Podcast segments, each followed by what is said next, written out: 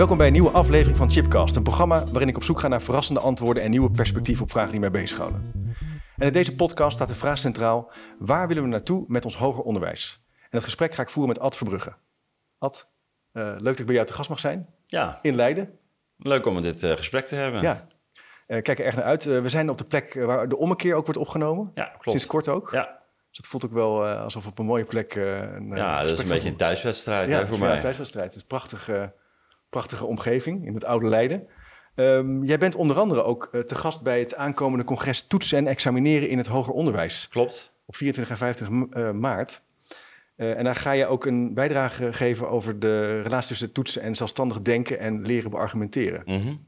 Ongeveer mijn samenvatting, ja. maar misschien heb jij daar nog, nog wel een toevoeging op te maken. Um, voor degene, ik ga het even van tevoren zeggen, de website is https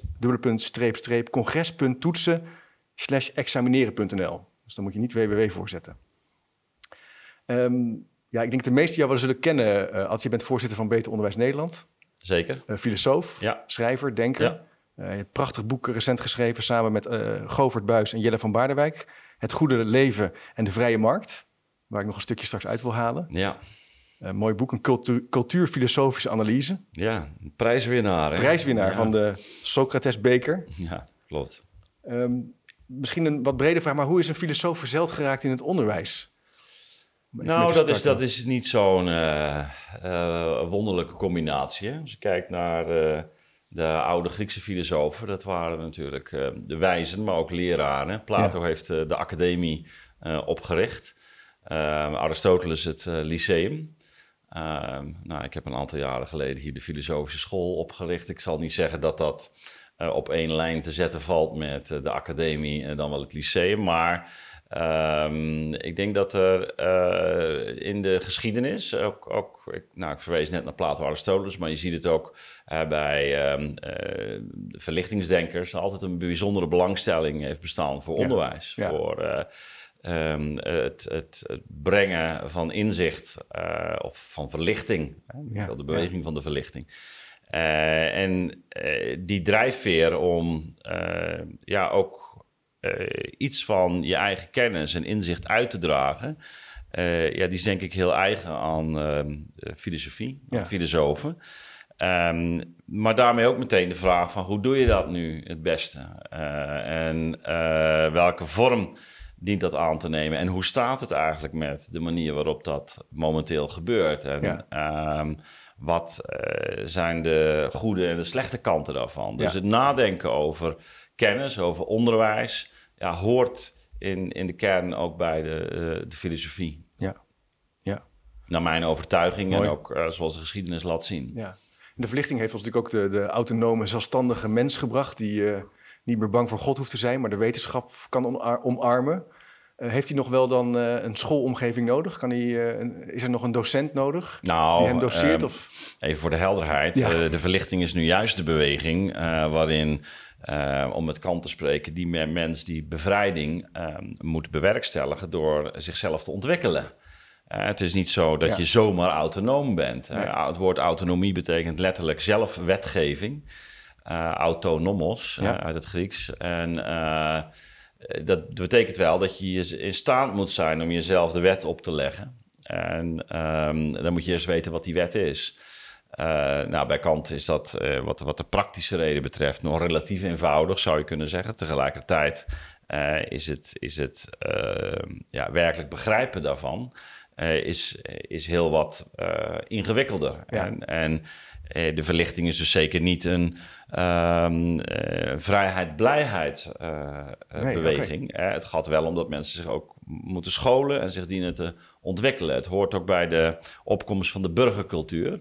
Eh, waarin die burger ehm, ja, ook kennis neemt van wetenschappelijke ontwikkelingen. Dat Ja. je ook ziet dat eh, volop in de, eh, in de volkstalen eigenlijk gepubliceerd wordt. En dat men ook dat, dat, dat de intellectuelen van die dagen, bijvoorbeeld in Frankrijk, ook, ook hun best doen om de stand van zaken in de wetenschap zo te vertalen, letterlijk ook in het Frans, dat het toegankelijk wordt voor een eh, breder eh, publiek. Dat zijn Ja. de zogenoemde encyclopedisten. Ja, en eh, het, is, het is dus juist een, beweging in onze westerse cultuurgeschiedenis, waarin zowel burgerij opkomt, mond uit in de, in de Franse Revolutie in Frankrijk, maar waarin je tegelijkertijd ziet dat, dat ja, ook wetenschap en de filosofie ehm, ja, een belangrijk onderdeel uitmaken van die bevrijding. En het gaat er ook om dat je dus vormt. Ja. Dus vorming blijft belangrijk. Vorming blijft uh, ongelooflijk belangrijk. En ik ben niet eens een strikte verlichtingsdenker. Nee, nee, precies. Nee, dat, uh, nee, nee. Nou ja, je, zei van tevoren, je mag me alles vragen. Dus ik denk, eh, die vragen wil ik toch misschien even meer starten. Um, jij zei uh, op basis van die, die hoofdvraag, hè, waar gaan we naartoe met ons hoger onderwijs? Dat er wel een verschil is tussen wat, wat je kan, mag gaan verwachten als de lijn wordt voortgezet... en wat, hoe het zou moeten of wat we ideaal gezien zouden willen. Zou je daar iets meer over kunnen zeggen, hoe, je dat, hoe jij kijkt naar de toekomst? Ja, nou, ik, ik denk dat er op momenteel in heel onderwijsland ontzettend veel verwarring uh, bestaat over de de organisatie van hm. eh, het uh, onderwijs en ook hm. de samenhang van het hele onderwijsgebouw, zoals wij dat noemen. Ja. En zoals ik dat ook begrijp. Hè. Het onderwijsgebouw, um, ja, dat, dat begint in uh, natuurlijk de, de, de kleuterjaren, waar je naar de, de basisschool gaat. En ehm, de, de, in de tweede fase uh, ga je naar het voortgezet onderwijs en dan naar vervolgonderwijs. Dat kan middelbaar beroepsonderwijs, hoger beroepsonderwijs zijn of universiteit. Ja. Nou, die samenhang is, is wel heel belangrijk om die, uh, om die vast te houden. Dus, dus de, de situatie waarin het hoger onderwijs verkeert, kan niet losgezien worden van dat hele onderwijsgebouw. op het moment dat ik studenten binnenkrijg die bijvoorbeeld um, ja, uh, hun talen niet meer goed uh, beheersen, mhm. dan heeft dat meteen ook een weerslag voor uh, de manier waarop ik bijvoorbeeld filosofie kan uh, doseren. dus, dus dat geldt ook voor exacte ja. wetenschappen. Wanneer studenten bepaalde vormen van algebra of analyse niet, niet goed hebben gehad, ehm, ja, dan moet dat worden ingehaald en heb je een een ander niveau dan je misschien zou willen. Ja. wanneer je op HBO begint, je krijgt er havisten binnen, dan je zult moeten werken met wat er binnenkomt. Ja. Um, dus tegelijkertijd denk ik dat het wel heel belangrijk is dat um, uh, ook van de andere kant geldt, dus dat het niveau van uh, eh, HBO en universiteit weer een weerslag heeft natuurlijk op, op wat daaronder gebeurt. Hè? Want de, bijvoorbeeld de kwaliteit van leraren uh, wordt mede bepaald door het, het gemiddelde niveau wat uh, op HBO en universiteit wordt, wordt bereikt. Ja. Um, en we weten eigenlijk van, van onderwijs en, en onderwijssystemen um, maar één ding echt helemaal zeker. Uh, waarbij je een directe correlatie kunt waarnemen, is dat hoe beter een leraar en hoe hoger die is opgeleid, um, hoe uh, beter de resultaten van de uh, leerlingen zijn. En dat is niet 100%, hè, maar het is wel een, een, een enorme sterk, sterk verband. Ja. en um, en da daarmee geef je ook al aan dat het enorm belangrijk is om ja, te zorgen voor hoogopgeleide leraren, docenten. Um, en daarmee ook voor een kwaliteit van leraaropleidingen of voor, voor academische opleidingen uh, als zodanig. Ja. En, en dat is ook iets waar onze vereniging altijd uh, de nadruk op heeft gelegd. Van zorg uh, om te beginnen voor een go hele goede kwaliteit van lerarenopleidingen. En, en daar is veel meer mis op dit moment. Um, maar je vraagt van wat, is, wat wordt de toekomst van dat, dat HBO? Ja. Nou, ik denk dat, of het hoger onderwijs. Ja, ik denk dat um, het, het echt van groot belang is dat, uh, dat er een beleid wordt ontwikkeld de komende jaren, waarin we het onderwijs als zodanig binnen onze cultuur gewoon veel meer uh, de uh, waardering geven die het verdient. Ja. Um, in de jaar, begin jaren negentig waren de uitgaven aan um, gezondheidszorg en onderwijs ongeveer gelijkwaardig, ja, dus ja. Eh, in omvang. Uh, inmiddels ja, zijn, is de zorg ongeveer 2,5 keer zo groot. De begroting van, van, van ons, de gezondheidszorg in verhouding tot, ehm, ja, tot onderwijs. Ja. Um, nou ja, dat, dat, dat heeft natuurlijk deels te maken met de vergrijzing. Hè. daardoor heb je meer onkosten. Ja, ja. maar ook, ook door die verdere ontwikkeling van de medische wetenschap. En dat wij ja, enorm investeren in, in, in, in zorg ja. als, als cultuur.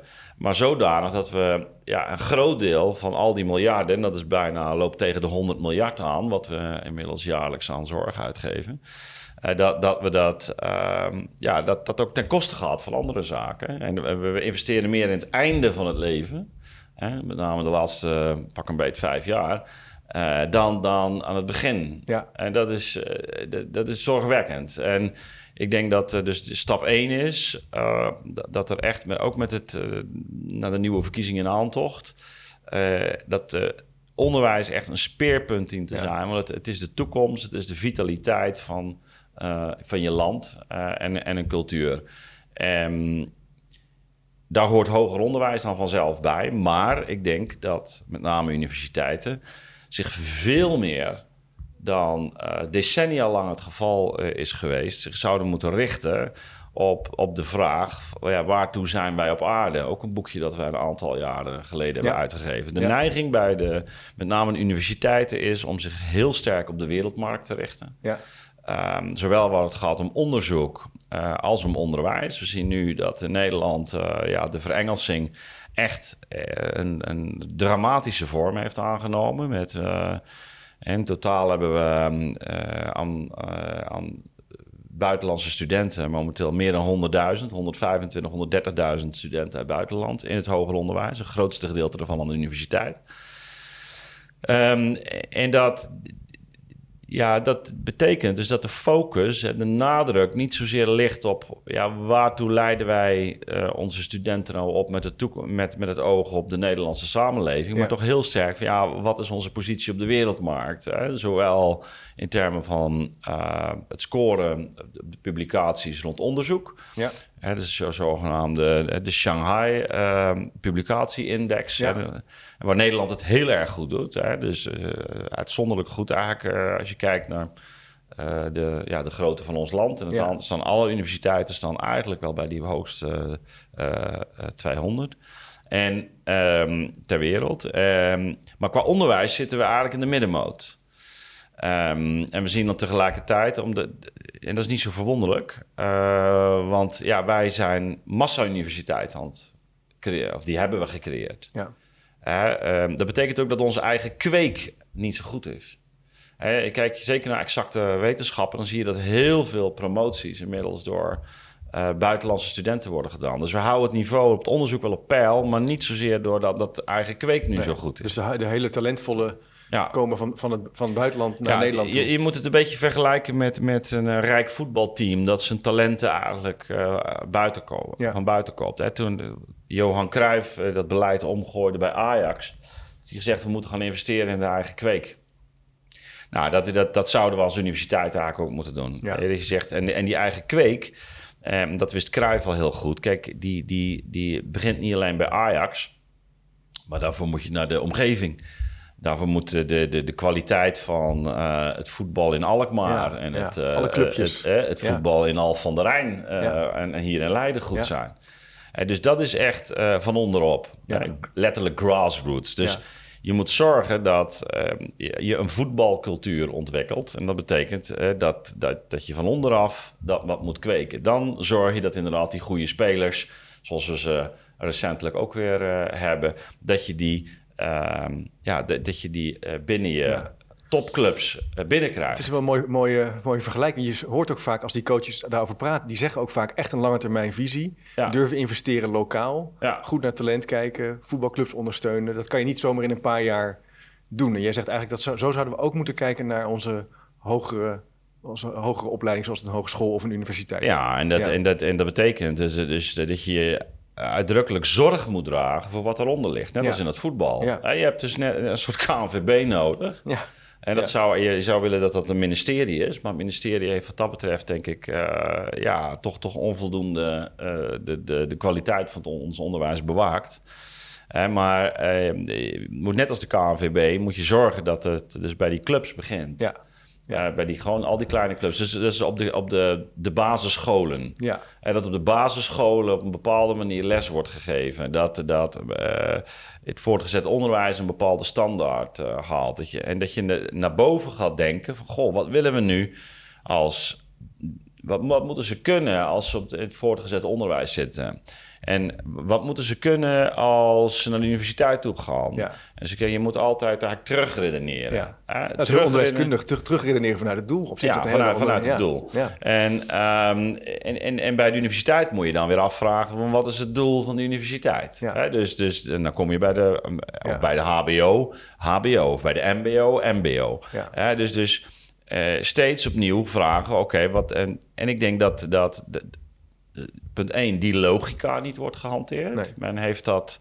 Uh, en hij heeft het nu over doorlopende leerlijnen en weet ik veel wat. Terwijl, ja, als je gewoon heldere starteisen hebt per opleiding, je zorgt bij iedere vooropleiding dat die aansluit daarop, dan is er geen probleem. Maar dat is door de vorm van financiering uh, door allerlei onderwijskundige idealen, uh, maar ook utopieën zou ik willen zeggen, heeft mhm. men eigenlijk die hele samenhang uit het oog verloren. Ja, waardoor je dus de trieste resultaten hebt nu. En ik vind dat we dat echt moeten zeggen. Dat we, we, halen dus meer dan 100.000 studenten uit het buitenland binnen... die we hier in het Engels gaan opleiden. Van een overgrote meerder, meerder, meerderheid ook weer weggaat. Eerst waren, ging het vooral om masteropleidingen. Nu beginnen we ook al met bacheloropleidingen. Dus als studenten 18, 19 jaar zijn. Um, nou, die, die kosten een belastingbetaler uh, 70, 80.000 euro. Zo wanneer ze hier vijf jaar uh, zitten. Uh, misschien nog wel meer.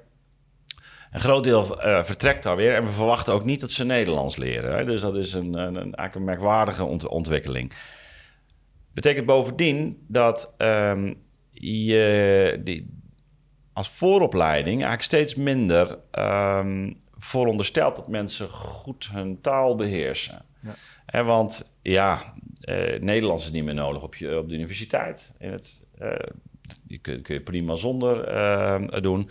En um, het niveau van het Engels is ook niet heel erg hoog. Want ja, mensen van over de hele wereld moeten een, een minimumniveau eigenlijk, uh, ja, dat, is, dat is allemaal niet zo bijzonder, uh, moeten ze dat Engels beheersen. Uh, het wetenschappelijk Engels, het, wij noemen het ook wel het, het Globish. Ja. Dat is een ehm, uitgeklede vorm van Engels. En daar is op zichzelf niks op, op tegen. Alleen je ziet wel dat het ertoe leidt dus dat we veel minder uh, meer aandacht hebben voor taalvaardigheid, leesvaardigheid, tekstvaardigheid. Ja. En, en je ziet dus ook de malaise waarin Nederlands nu verkeert. Hè, uh, ja, dat komt natuurlijk ook omdat ja, onze hele hogere onderwijsinstelling, universiteiten voorop zeggen, ja, dat Nederlands is eigenlijk niet meer zo belangrijk. Nee, nee ik herken dat. ik heb in 2003 ben ik gaan studeren aan de Vrije Universiteit. Heb ik na mijn HAO uh, een eh, master bedrijfskunde gedaan. Dat werd toen net het Engels geïntroduceerd. En toen kregen we dus colleges van uh, Nederlandse hoogleraren. Vaak waren die part-time. Gaven die dan les bijvoorbeeld als waren accountant of uh, adviseur.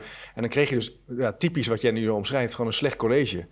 Maar waar je ook de diepgang niet kan bereiken. Dus waar ik in ieder geval bij mijn, met mijn Engels niet een goed gesprek kan voeren over een lastig vraagstuk. Want ik heb die taal niet. Nee, nee want dat, is, dat wordt nu steeds benadrukt. Hè? Dat is zo belangrijk is dat, dat uh, docenten goed Engels spreken. En begrijp me niet verkeerd, dat is het ook. Tuurlijk, ja. ja. maar het blijkt dat wanneer je studenten confronteert met een native speaker...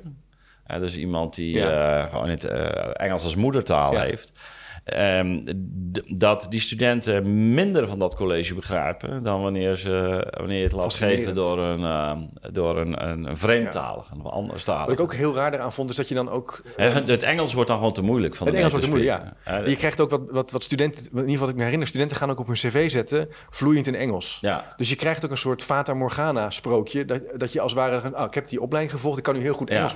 En het is natuurlijk niet nee, zo. Ik, ik zeg altijd uh, tegen studenten die denken dat ze heel goed zijn in Engels. Van uh, lees een keer Shakespeare. Ja.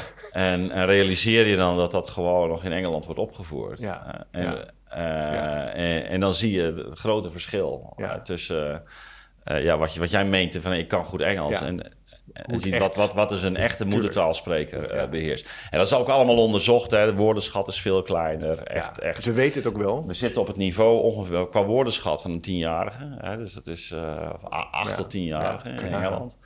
Uh, en dat is, ook, dat is ook allemaal niet erg.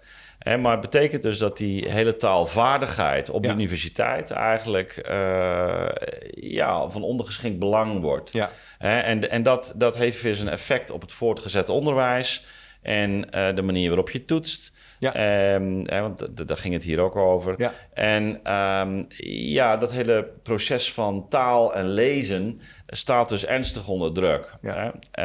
Um, dus, dus daar kunnen we het dadelijk ook nog over hebben. Dus, dus wat we momenteel zien gebeuren is dat, dat een universiteit eigenlijk die taal uh, verwaarloost. We gaan naar één taal toe. Vroeger kon ik Duits en Frans. En uh, nou, ik tot op de dag van vandaag nog wel Grieks uh, gebruiken. Uh, zeker bij Grieks ging dan wel, ga je dat vertalen. Eh, maar Duitse teksten, toch niet onbelangrijk. Ons buurland, rijke traditie, ook op het gebied van de filosofie. een van de grondleggers van Kant, van de mensenrechten, ja, noem, maar, noem maar op. Um, je ziet dat je dat eigenlijk niet meer in de oorspronkelijke taal kunt doen. het interessante is als je nou een, serieuze uh, Amerikaanse scholar op kant hebt, hè, of je gaat naar Harvard kijken, dan, dan, dan word je eigenlijk wel geacht wanneer je die Duitse filosofie doet, dat je Duits gaat leren. Ja, ja. dat, is, uh, dat hoort er nou helemaal bij. Ja. nou, dat hebben we in Nederland eigenlijk prijsgegeven, terwijl het voor ons zo eenvoudig is. Ja dus dus de, eh, de beheersing van bijvoorbeeld Duits uh, ja, is, is de afgelopen decennia heb ik gewoon meegemaakt. Is enorm teruggelopen. Um, ik denk nog wat maar uh, een kwart van mijn studenten Duits beheerst. Um, toen ik ooit ging studeren, ja, werd dat voorondersteld dat, dat je dat beheerste dus je ziet dat, dat, dat uh, op dat punt al enorm ingeleverd uh, Dus we hebben ook een mindere verwachting van studenten. Ja, je hebt mindere verwachtingen. Het is oké okay om filosofie te studeren zonder... Ja, nee, dan ga, je gewoon, dan ga je gewoon kant in het Engels doen. Ja. en je ontwikkelt ook geen Nederlandse terminologie. En dat is dus, dus... Wat bedoel je daarmee? Nou, mensen zijn niet meer gewend om uh, over filosofische vraagstukken in het Nederlands te spreken. Dus ze gaan voortdurend vakterminologie introduceren uit het Engels. Terwijl er, um, dus je, je eigen, de ontwikkeling van je eigen taal staat daarmee stil. Ja. Kijk, op het moment dat ik um, um, vanuit de filosofie een poging doe om uh, gedachtegoed van, van Aristoteles, Plato, Kant uh, of Foucault te vertalen dan uh, ontstaat er ook een, een, een Nederlands uh, nou ja, filosofisch jargon, wat ook voor een deel gewoon in, in, de, in de spreektaal doorcijpelt. Ja. En dat gaat heel erg ver. Hè? Dus het woord voorwerp, hè? om het maar ja. te noemen. En dat is gewoon het resultaat van een lange vertaling van uh, het, vanuit het Grieks, hypokaimenon, naar subjectum, nou, uiteindelijk uh, voorwerp, objectum, subject, onderwerp, voorwerp, onderwerp. Het zijn allemaal vertalingen ja, die, die te maken hebben dus met, met zo'n uh, ja, filosofische geschiedenis. En dat, en dat komt in de gewone werkelijk, of in de gewone spreektaal, werkelijkheid, mogelijkheid, allemaal dat soort ja. uh, termen. Die zijn allemaal het resultaat van, van vertaalbewegingen. En zo verrijk je je taal. En wat we nu doen is eigenlijk dat die beweging wordt stopgezet. Ja. en, en, en dat zie je al op, op het gebied van, van, van techniek ook. Um, maar het geldt ook voor um, terminologie op het gebied van sociale wetenschappen, uh, de economische wetenschappen. Kijk maar eens hoeveel Engelse economische termen wij overnemen. Uh, en, en dat betekent ook dat, dat we dus een, een, een, een soort uh, specialistentaal uh, krijgen, die voor een deel doorcijpelt in, in, in onze spreektaal, waar we niet meer goed weten wat dat nou betekent. Hè? Scrum, Agile, ja. um, lean, de, de, de lean, Mean, de, de, de compliance, de compliance officers. Dus allemaal, allemaal Anglo-Saxisch, ook uit een wereld die niet de onze is. Dus, dus dat is ook nog eens interessant. ook het onderwijs in, hè? Dit soort woorden komen ook onze, ons schoolsysteem in. Ja, die, die, die, die, die, die, die vervuilen in zekere zin ook ons begrip. Op, Zeker omdat vaak niet meer helemaal precies duidelijk is wat nou wordt bedoeld. Het zet me heel erg aan het denken, want ik zit even terug te gaan naar mijn studietijd, waar ik dus tentamens, ik heb ontzettend veel tentamens gemaakt, toetsen gemaakt, methoden en technieken. Als je van de, de bachelor naar de master ging naar de universiteit, was iets waar heel veel studenten op, uh, het niet op redden, was methoden en technieken. En dan kreeg je een, uh, een, een ABCD-toets, waar je ook heel erg ging oefenen of ging kijken, wat is de taal? En dat was een ander soort taal dan je eigenlijk dan hoe je met elkaar sprak over het uiteindelijk vak wat je kreeg. Ja. Dus je krijgt ook een soort twee paden als het ware. Ja, het is uh, absoluut wordt een soort technische taal. Uh, maar ook een taal um, waarmee uh, een, een, bepaald slag mensen met elkaar converseert en beslissingen neemt. Ja, precies. En um, nou ja, we hadden het zo even over de verlichting. De ambitie van de verlichting was nu juist dat je voorkwam dat er specialistentalen of elite talen ontstonden. Um, maar dat je door te vertalen iedereen deelgenoot kon maken van een bepaalde uh, uh, wijsheid of een wetenschap. Ja. En ik denk dat dat, uh, ja, dat is wat mij betreft ook nog steeds een belangrijke taak van wetenschappen en ook van, van universiteiten. Dat ze dus, dus het gedachtegoed dat in de internationale wetenschap ontstaat, ook dienen te vertalen in meerdere opzichten. Zowel uh, daar Nederlandse woorden voor te vinden, um, als om te zetten in, ja, wat betekent dat nou in onze leefwereld en praktijk? Ja, ja. dus dat je ehm, ziet dat, dat wat in Amerika werkt of in China niet zomaar kan worden omgezet in, in de Nederlandse situatie, omdat wij een andere wereld Geen copy-paste precies, geen copy-paste. en dan gaan we even nog terug naar dat idee, de, het hoger onderwijs. Ja. Uh, uh, hoe kijk jij dan naar toetsen? Nou ja, dus, dus, kijk, dit, dit, dit, hangt natuurlijk direct samen met uh, de, de, de, manier waarop we ons hoger onderwijs inrichten. Ja. Hè? Dus wat ik zie gebeuren is dat die universiteit verengelst. Tegelijkertijd heel slonzig wordt rond ja. taal. Um, eigenlijk niet meer haar kernopdracht vervult, waarin ze binnen een democratische samenleving eigenlijk zorg draagt voor de verspreiding van kennis voor iedereen. Hè? Hm. Hm. Idealiter. Hm. Ja. Um, maar dat dus de, de, manier waarop je dat het beste doet, is door um, ja, eh, mensen zo te vormen dat ze die wetenschap ook in de eigen taal enigszins onder de knie krijgen en uh, erover kunnen spreken en schrijven helder en duidelijk. Ja. Uh, nou, dat is, dan komen we op het volgende probleem. Uh, door die enorme globalisering van ons onderwijs en de manier waarop dat in, mede als gevolg van de bekostiging in Nederland vorm heeft gekregen.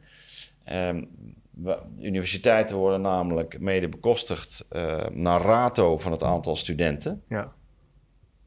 En dat, uh, dat was uh, eh, 72 procent in, um, uh, de, het oude stelsel. Het wordt nu iets verminderd.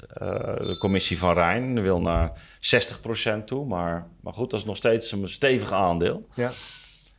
Um, is er een enorme nadruk komen te leggen op het, op het binnenhalen van zoveel mogelijk studenten. je ziet dus dat wij een, een, echt een explosieve groei hebben meegemaakt van ons hoger onderwijs.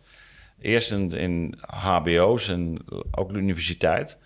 Um, en dan hebben we het op de universiteit ook over een groei van um, uh, 40, 50 ja.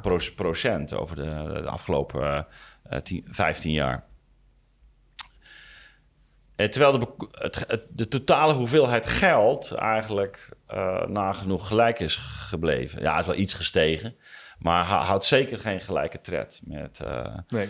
Um, met, met als gevolg dat um, het gemiddelde bedrag per student uh, de afgelopen uh, nou, 15 jaar met zo'n 40% is gedaald. Hey, dat, om, om en nabij. Ja. Uh, is iets, misschien iets langer, vanaf 2001 of 2, meen ik, tot, tot nu zo'n uh, zo'n 40% Dus, dus wat, waar we toen 20.000 uh, hadden, daar zitten we nu, um, geloof ik, op iets van 13.000. Ja. En um, ja, hoe, hoe kun je dat realiseren? Ja. Nou, ja. dat, dat noemen ze extensivering van onderwijs. En ehm, hoe extensiveer je? Dat is bijvoorbeeld door tentamens eh, niet meer in de vorm van open vragen uh, af te nemen, maar in de vorm van meer keuzetoetsen. Um, dat betekent dat heel veel studenten nauwelijks meer iets hoeven te schrijven tijdens een opleiding. Uh, bovendien werk je met groepsopdrachten. Ja. Uh, waarbij een groepje van vier of vijf, dat was HBO al uh, staande praktijk, al, al veel langer, in de jaren negentig. Maar dat zie je op de universiteit nu, nu ook ehm, de, de, de afgelopen jaren. dus dat, dat mensen gemeenschappelijk een opdracht inleveren. Nou ja, degene die goed schrijft, die, die moet dan maar het werk maar doen. Een bokje, ja. ja. ja. Um, dus je, dus je, je, je, ziet dat men eigenlijk niet meer echt toetst op, op schrijfvaardigheid. Um, nou ja, dat, dat betekent dus dat er allerlei studenten van de universiteit komen die niet goed in staat zijn om, om, zelf een stuk te schrijven. En tamelijk ironisch in een tijdperk van informatisering en, en communicatie, ICT, technologie, uh, dat we zien dat, dat um, zowel de schrijfvaardigheid als de leesvaardigheid eigenlijk ernstig onder druk staan. Uh, en dat we daar ook niet meer op toetsen en, en ook niet meer uh, studenten op ontwikkelen. Uh, ik heb al eens gezegd, het, het, is alsof je bij voetbal zegt... ach, um, we, we, zien dat er steeds meer obesitas is. Um, laten we bij voetbal voortaan niet meer rennen. Want ja, ja dat, dat, dat, dat, is onhandig. Um, dat, dus je gaat in plaats van ze daarop te gaan trainen... Ja en, ze, en zeggen, nou, daar moeten we dus extra op gaan investeren. Uh, ga je dat juist loslaten? Ja. Nou, iets vergelijkbaars gebeurt eigenlijk in ons uh, hoger onderwijs. Um, terwijl we zien dat studenten als gevolg van uh, met name digitale technologie het gebruik van de, de, de telefoon en, en de, de personal computer ja. en de laptop steeds meer ja, plaatjes tot zich nemen en indrukken tot zich nemen. Um, uh, heel sterk, ook letterlijk, je ziet ze ook permanent drukken. Ja, dus, ja. Uh, ding staat altijd aan. Uh, het ding staat altijd aan. In de colleges. De gaan. Ja. ja. Um, terwijl het nu duidelijk is dat dat tot gevolg heeft dat ze dus veel minder bereid zijn om lange stukken te lezen. dat blijkt ook. Recent onderzoek. leerlingen hebben eigenlijk, kinderen hebben gewoon geen zin meer om te lezen. Massaal niet meer. boeken worden steeds minder gelezen. Um, de studenten die, die komen dus binnen zonder dat ze gewend zijn om, om langere stukken tekst te lezen. En je oefent ze ook niet in schrijven. In, in het schrijven van langere stukken. Dus, dus je, je krijgt een, uh, uh, een ontwikkeling waarbij de universiteiten uh, niet ja, recht doen aan en niet, niet, niet, je zou kunnen zeggen, geen weerstand bieden uh, aan die ontwikkeling van ontlezing en uh, afnemende schrijfvaardigheid, maar juist ja, daarin meegaan. Uh, um, maar dat is vanuit jouw redenering, er is ook een enorme tijdsdruk. Dus die, er is druk. Ja, er is dus geen systeem. Ja, er is, dus, er is dus geen tijd meer om dat. Om, nee. Want je hebt dus die, met die grote aantallen te ja, maken. Ja. Dus je kunt niet meer die. Hè, dat, dat wordt dan ook gezegd. Het is te duur geworden. Ja. Het is te duur om, om zoveel studenten, met ook door de enorme toevloed nu natuurlijk van buitenlandse studenten, om die, om die allemaal uh, uh, ja, uh, op hun taalvaardigheid eigenlijk te toetsen. Ja. Dus je, je, je gaat schrijfopdrachten vermijden. Ja. zeker bij de grotere opleidingen.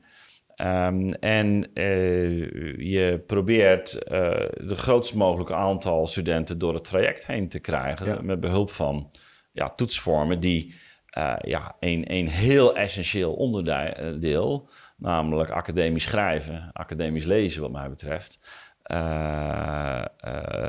ja, verwaarloost. Ja. Ja. En, en dat is de, de, de, de huidige praktijk. Ja. Dus het lijkt me, eh, hoe, hoe, hoe, hoe kunnen we dit doorbreken? Want het lijkt wel... Ja, sorry. Ja, en, en, en, toch tamelijk ironisch dan om, om te zien dat we dus aan de ene kant dus uh, meer dan 100.000 studenten binnenhalen ja. uh, uit het buitenland.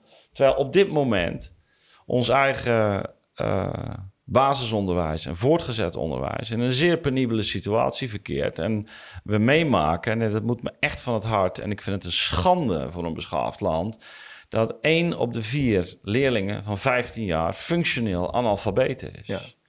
Ja, dat betekent dat hij meer lettergrepige woorden eigenlijk niet goed kan lezen. Nee. dus die, die kan eigenlijk een gewone krant al niet meer volgen. Nee, maar ook geen instructie. Nee, voor een, ook eh, geen voor een complexe in, instru instructie. Nee. Dus dat, dat is echt wel zorgelijk. Ja. Dat, is, dat is dus één op de vier. En, en we kweken dus een, een hele generatie eh, van uh, ongescholden, ongeletterden. Ja. Uh, die daarmee ook buitengesloten ja. zijn van het, ja. het, een, een maatschappelijk discours. Ja. Wat, wat, zich in de krant, maar ook, ook op, op, op internet. Je kan niet meedoen. Je, je kan niet meedoen op die manier. Nee, en dat is natuurlijk... nee je, je kan gewoon bepaalde dingen gewoon niet meer volgen. En dat betekent dus ook dat je. Kijk, het gaat niet alleen om dat je niet kunt schrijven. Het betekent dus ook dat je niet zo'n uh, type bewustzijn ontwikkeld. Nee. Een bewustzijn waarin je redeneert, waarin je hoofd- en bijzaken onderscheidt. Ja. Uh, uh, waarin je een bepaald soort logica ontwikkelt. Ja. En daarom maak ik me daar grote zorgen om, want het betekent ook dat daar natuurlijk allerlei um, onfrisse on, gedachten post kunnen vatten. Dat de nuances verloren kunnen gaan. Dat ja, de botheid zijn intrede doet en, en het primitieve bewustzijn gaat doorbreken. Ja. En maar als zelfs bij onze uh, eigen uh, elite, de, de hoger opgeleide, dat lezen en schrijven al zo onder druk staat, en dan zou je moeten zeggen, nou, hier moeten we uh, maatschappelijk in investeren. En in plaats van Uh, uh, door te gaan op die weg van een doorgeslagen verengelsing, proberen eerst onze Ja. eigen taal weer op orde te krijgen. En ook dus uh, een deel van, en een groot deel van, uh, van onze eigen jeugd, het, het onderwijs te, te, bieden dat ze verdienen. Wat, wat, ik gek vind als je dit ook vergelijkt bijvoorbeeld met rekenen, is dat dan de neiging kan zijn maatschappelijk om de lat lager te leggen. Dat ja, dat, bij, is, dat, dat is wat er steeds zo, gebeurt. Daar kan dat ik, is wat er steeds gebeurt. Ja, ik ben nu een jaar met, die, met deze podcast bezig. Ik heb ontzettend veel wetenschappers geïnterviewd over rekenen. Onder andere, dat fascineert me dan. Ik ben niet zo goed in rekenen, ja. maar ik hou me daarmee bezig ook op scholen. De scholen die het goed doen, hebben juist een hogere lat. Die zeggen, ja. nou, wij, wij durven eigenlijk wel uh, ja, nou, zo, zoals, zoals wij bij Bon eigenlijk al jarenlang uh, stellen. Uh, het, het niet opleggen van eisen is een vorm van verwaarlozing van uh, kinderen. Ja. Uh, ja. En dat is, dat is in feite aan de, aan de hand ja. uh, op dit moment. Ja, vreemd. Ja. ja. Maar er komt even iemand binnen. Ja. Ik even op pauze zetten? Ja, ik denk het wel, ja. Um, om een vervolgvraag te stellen over dat punt van die, die, die, die, die norm die we dan eigenlijk onbewust omlaag gaan stellen, in plaats van dat we juist omhoog moeten stellen. Wat mij opvalt als ik op scholen kom, in het HBO, HBO MBO, HBO, maar ook wel op basisscholen, is dat steeds meer partijen, externe marktpartijen, ook die instructie en die examinering aanbieden. Dus die zeggen als het ware van nou, dat doen wij wel voor jou als school.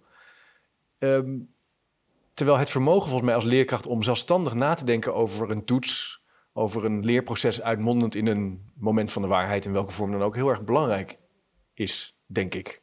Hoe kijk jij naar, zie jij dat ook zo'n beweging van dat die marktwerking ook op die plekken begint door te dringen?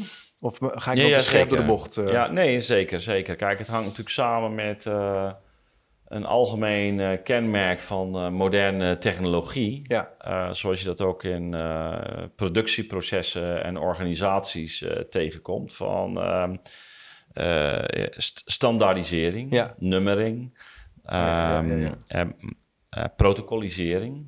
Ja. Um, waarin we eigenlijk een machinerie aan het optuigen zijn. Ja. Uh, machinerie waarin um, uh, eigenlijk in toenemende mate uniformiteit in het proces wordt aangebracht. Ja. Ja. En dat wordt ook met, uh, soms met allerlei redenen omkleed. Hè, om te zeggen, ja, we willen kunnen vergelijken. We willen de meting kunnen doorvoeren. En uh, zo krijgen we dus een mooi overzicht uh, over uh, waar mensen staan. En dat is voor een deel is dat natuurlijk ook zo. Um, maar de andere kant van het verhaal is, is dat het daarmee het onderwijs depersonaliseert. Ja. Um, eh, iedereen heeft het over het personaliseren van het onderwijs. Dat is tamelijk ironisch in deze situatie. Ja. Maar um, kijk, personaliseren van het onderwijs betekent in, in mijn ogen dat daar het vak en, en, en daarmee de, de, de, discipline waar het om gaat, een persoonlijk gezicht krijgt in de gedaante ja. van de leraar. Ehm, mijn, mijn leraar Duits, hè, die had duidelijk een, wat linkse achtergrond. maar zijn hart en ziel lag wel bij bepaalde literatuur. En we kregen bepaalde films mee. En we leerden Duits door die man. Ik, ik was niet zo'n aanhanger van zijn politieke denkbeelden, moet ik eerlijk bekennen. Maar hij had heel veel sympathie voor Oost-Duitsland destijds. Nou, oh ja, Maar ik heb ongelooflijk veel van die man geleerd. En, uh, en ik zag wel dat hij... Hij hield van zijn vak. Ja. dus, dus, en hij legde daar zijn, bijna zijn ziel en zaligheid in. En zo hadden we meer van die leraren. En die, die toetsten natuurlijk ook op een manier die ja, in het verlengde lag van hun uh, interesse. Oh ja, ja, ja. ja. Uh, de, de, voor een deel zat daar natuurlijk gewoon uh, de, de, de, standaard. ja, zaten daar de standaard toetsen bij van grammatica en noem maar op. Maar dan toch weer met, wel met die dingetjes die dan. Zat er, ja, ja, ja. Of zijn ezelsbruggetjes. Of je, je, merkt natuurlijk altijd al de, de signatuur van zo'n leraar. Ja. En ik denk dat dat. Um, heel belangrijk is. Hè? Dus dat, dat uh, bij het ene vak misschien belangrijker dan bij het andere, maar toch dat je als leraar ook um, ja, je eigen uh, voorliefdes kunt, kunt volgen, uh, je eigen stokpaardjes kunt bereiden. Oh, waarom? Omdat die leer leerling dan het persoonlijke karakter van dat vak gaat zien. Ja. Uh, en dan wel op een gevormde manier. Niet, niet doordat iemand uh, knipt en plakt en, en wat associeert, maar omdat hij gewoon dat vak zich op een eigen manier heeft toegeëigend. En um, dat is een deel van het meesterschap. Ja. De, de, de, de, meester, en dat zie je ook in de ambachtelijke tradities, moet een eigen werkstuk maken. Ja. En je zou kunnen zeggen, voor een leraar is het meesterschap ook dat hij ja, zijn leerlingen op Ehm, persoonlijke uh, opdrachten geeft. Ook een, een zekere persoonlijke benadering uh, geeft. En um, ja, dat, dat, dat, dat heeft allerlei aspecten. Dus, dus het soort opdrachten dat hij geeft. Um, de, de, nadruk die hij legt, die stokpaardjes zo over. En dat, dat moet hij ook ergens terug laten komen in zijn, in, zijn, in zijn toetsen. En nogmaals, wanneer je wiskunde doet, of natuurkunde zal het misschien iets minder voor de hand liggen. maar ook daar kan het. Ja. Uh, maar uh, ja, zeker wanneer je uh, talen, geschiedenis, aardrijkskunde, al die middelbare schoolvakken, um, ja, dit, daar zit dat in. En, en dat, dat geldt ook voor, voor het middelbaar en hoger beroepsonderwijs. Eigenlijk draai je daarmee, zeg je, gepersonaliseerd leren gaat over de leerkracht, de docent, de professional, de meester, die daarmee zijn hele identiteit kan gebruiken dat is hij om, hij of zij, om ook naar een toets of een leerproces te kijken. Ja, en, en nogmaals... In plaats van in te kopen. Ja, juist, juist. En, en daarin biedt hij, als het goed is, natuurlijk ook de ruimte aan, aan leerlingen... om dat op een bepaald moment te laten zien. Maar als hij het zelf al niet laat zien...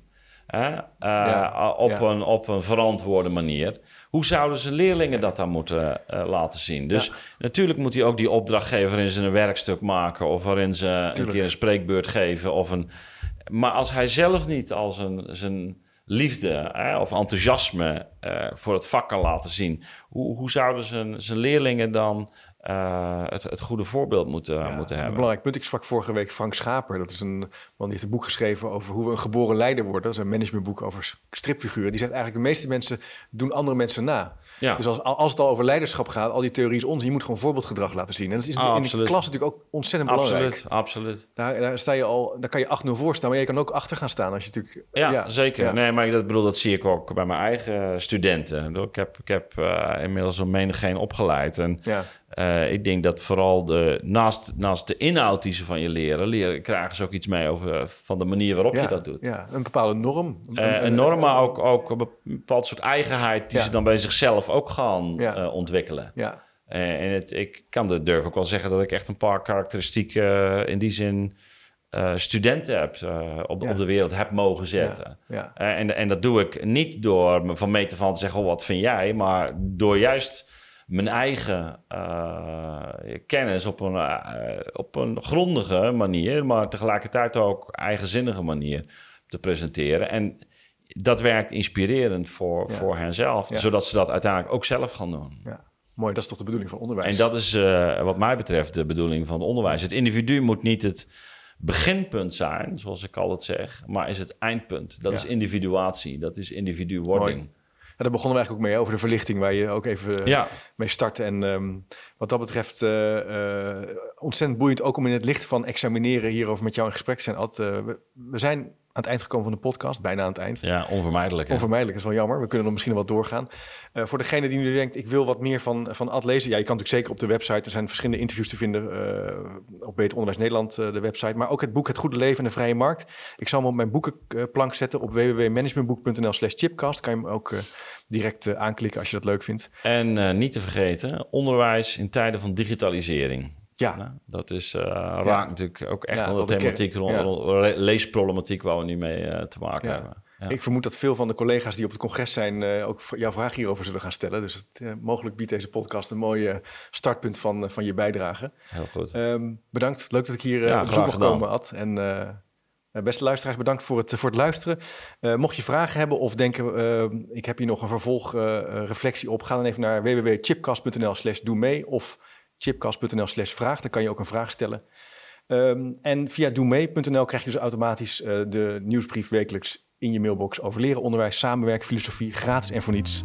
Wie wil dat nou niet? Tot de volgende keer.